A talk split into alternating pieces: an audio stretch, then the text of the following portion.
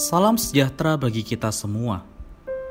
Emana kembali hadir dengan podcast pembahasan firman Tuhan. Semoga firman Tuhan yang murni mampu merawat batin kita, menguatkan roh kita, dan membangun iman kita di hadapannya. Silakan menikmati podcast Emana hari ini.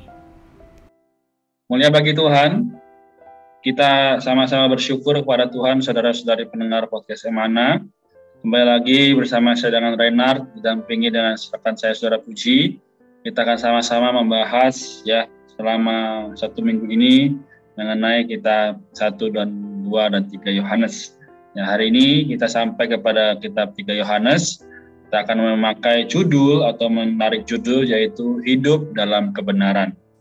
Diambil dari ayat 3 Yohanes ayat 4 yang berkata, Bagiku tidak ada sukacita yang lebih besar daripada mendengar bahwa anak-anakku hidup dalam kebenaran. Puji Tuhan, ya kita telah membaca ayat ini. Saudara Puji, apa yang bisa kita tarik atau kita dapatkan supaya saudara-saudari pendengar juga bisa terbantu? Puji Tuhan, saudara-saudari kita uh, melihat di dalam kitab 3 Yohanes ya, satu kitab yang pendek uh, tetapi ditulis oleh satu rasul yang sudah berusia lanjut ya. Nah, kalau kita bicara mengenai usia lanjut di dalam Tuhan itu, kita bicara juga kematangan hayat. Nah, bagi orang yang matang di dalam hayat ini, uh, dia mengapresiasi ya keadaan di gereja, uh, keadaan kaum saleh di gereja di mana uh, dia melayani di dalam ayat yang tadi kita baca di uh, eh, 3 Yohanes pasal yang uh, maaf ayat yang keempat di sana dikatakan bagiku tidak ada sukacita yang lebih besar daripada mendengar bahwa anak-anakku hidup dalam kebenaran. Ya. Saudara seri, uh, walaupun ayat ini singkat, kitabnya singkat, ya tetapi uh, meninjau ya uh, keadaan Rasul Yohanes, kematangan rohaninya, maka ayat ini kita perlu anggap sebagai satu ayat yang serius. Ya, satu ayat yang besar. Ya. Di sini uh, dikatakan bahwa uh, Yohanes bersuka cita ya. Bersuka cita mendengar bahwa anak-anakku ya, dia sebagai seorang yang uh, tua yang matang ya di dalam kerohanian Eh, dia sebagai bapak rohani dari orang-orang yang dia layani, dia bersyukur bahwa orang-orang yang dia layani ini, anak-anak rohaninya, hidup dalam kebenaran. Hmm. Nah, sudah dari kata hidup di dalam kebenaran, di sini juga bisa diterjemahkan adalah memegang teguh kebenaran. Ya, dan tidak melepaskan kebenaran tersebut. Oke, pertanyaan yang kedua adalah apa itu kebenaran?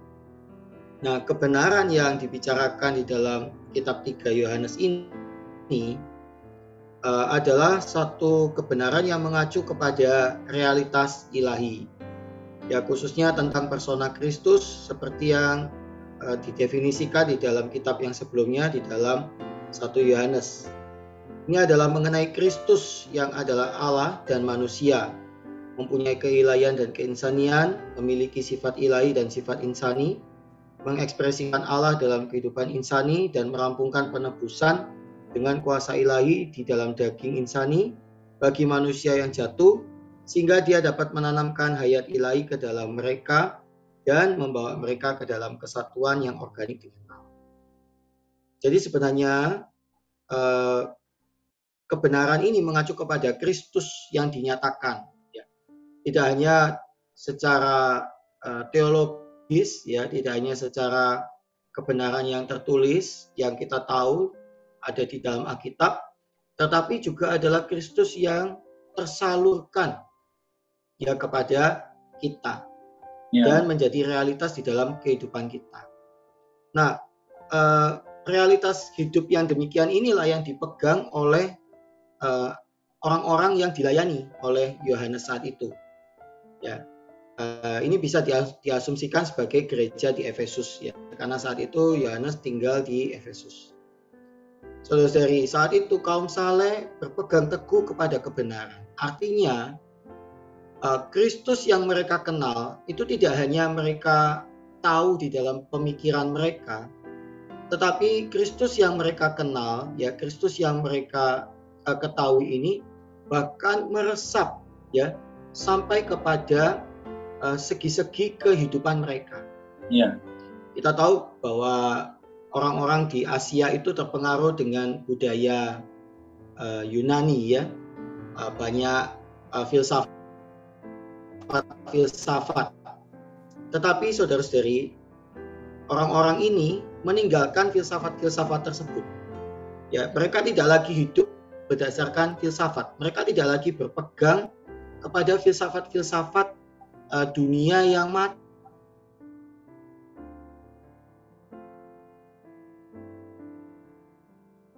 Ya, menurut Kristus yang mereka kenal dan Kristus yang ada di dalam diri mereka. Amin. Oh, saudara-saudari, inilah yang bisa membuat Rasul Yohanes ya di masa tuanya bersuka cita.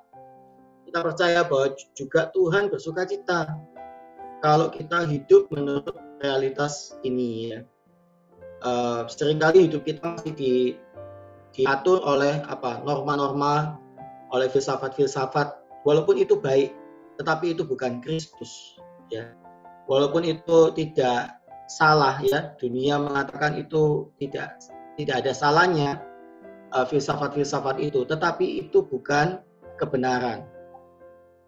Hidup berdasarkan kebenaran yang dimaksudkan di kitab ini adalah membiarkan Kristus mengambil alih kehidupan kita, saudara-saudari. Jadi uh, ketika kita melakukan sesuatu, kita tidak menimbangnya menurut baik atau buruk, ya menurut uh, penilaian orang-orang, tetapi kita apa? Bertanya kepada Kristus, ya, bertanya kepada Tuhan, kembali ke dalam roh kita, ya, e, mencari pertimbangan dari Tuhan yang tinggal di dalam kita. Nah, saudara-saudari, demikian baru kita ini bisa dikatakan hidup menurut uh, kebenaran. Saudari kiranya Kristus yang kita kenal, ya, uh, kita hargai sedemikian rupa dan kita apresiasi sedemikian rupa ya uh, segala uh, filsafat-filsafat yang sudah menjadi konstitusi kita sebelumnya, menjadi susunan hidup kita, uh, dan membuat kita hidup menurut uh, standar Kristus, menurut apa yang Tuhan berkenan, ya menurut keinginannya, ya uh, menurut Roh dikendalikan oleh Roh. Terima kasih. Amin. Amin. Saudari pendengar podcast Emana sekalian, saya juga sangat terjamah dan terberkati dari apa yang sudah saudara Puji bagikan ya. Jadi kalau kita lihat dalam kehidupan sehari-hari ya, sampai Tuhan datang kembali, seharusnya kita juga boleh seperti demikian ya. Kita berpegang teguh kepada kebenaran, kita melepaskan segala sesuatu yang telah kita pegang dahulu, yang kita anggap benar, namun belum tentu sesuai dengan kebenaran. Maka, saudari sekalian, melalui ini kita perlu belajar semakin hari semakin dekat pada Tuhan. Oleh karena itu, ialah kita semakin dipenuhi oleh Kristus. Baik, saya rasa kita cukup sampai di sini. Apakah Saudara Puji boleh mendoakan kita semua? Amin. Puji Tuhan. Saudara-saudari, mari kita bersama-sama bersatu di dalam doa. Mari kita berdoa. Tuhan Yesus, Tuhan terima kasih Tuhan Tuhan kami sudah mengenal Engkau, Tuhan melalui firman-Mu, Tuhan Engkau bukan hanya eh, Allah yang ada di luar kami, Allah yang kami tahu di dalam pikiran kami, tetapi Engkau juga adalah Allah yang disalurkan. Engkau adalah roh hari ini yang berhuni di dalam roh kami. Tuhan Yesus, kami perlu ya Tuhan, kehidupan kami menghargai Tuhan penyaluran ilahi yang sedang Engkau kerjakan. Tuhan kami perlu melepaskan Tuhan segala filsafat hidup kami yang lama. Tuhan dan kami mencari di kau ya Tuhan. Hidup menurut standar yang Tuhan sudah tentukan. Tuhan yaitu hidup dikendalikan dan dipimpin oleh roh. Tuhan di dalam segala Tuhan kehidupan kami, kami tidak uh, menilai Tuhan menurut baik dan buruk, menurut penilaian yang luaran, menurut pendapat-pendapat yang umum, di mana hari ini orang-orang menilai. Tetapi ya Tuhan, apa pun yang kami kerjakan, kami baik-baik bertanya kepadamu. Tuhan kami baik-baik minta, Tuhan perkenanmu. Tuhan kami baik-baik mencari pimpinan Tuhan. Oh Tuhan inilah kehidupan di dalam kebenaran. Inilah berpegang teguh di dalam kebenaran. Sehingga Tuhan eh, di kawasan kebenaran juga bisa ternyatakan di atas kehidupan kami. Terima kasih ya Tuhan, kiranya Kau bekerja melalui firman-Mu, Kau bekerja di atas diri kami. Terima kasih Tuhan. Amin. Amin. Terima kasih, Saudara Puji. Terima kasih, saudara-saudari pendengar Emana. Tuhan Yesus memberkati kita semua, tetap sukacita. Sekian pembahasan firman porsi hari ini. Sampai jumpa di podcast berikutnya. Jangan lupa untuk download aplikasi Emana pada handphone Anda untuk manfaat yang lebih banyak. Tuhan Yesus memberkati.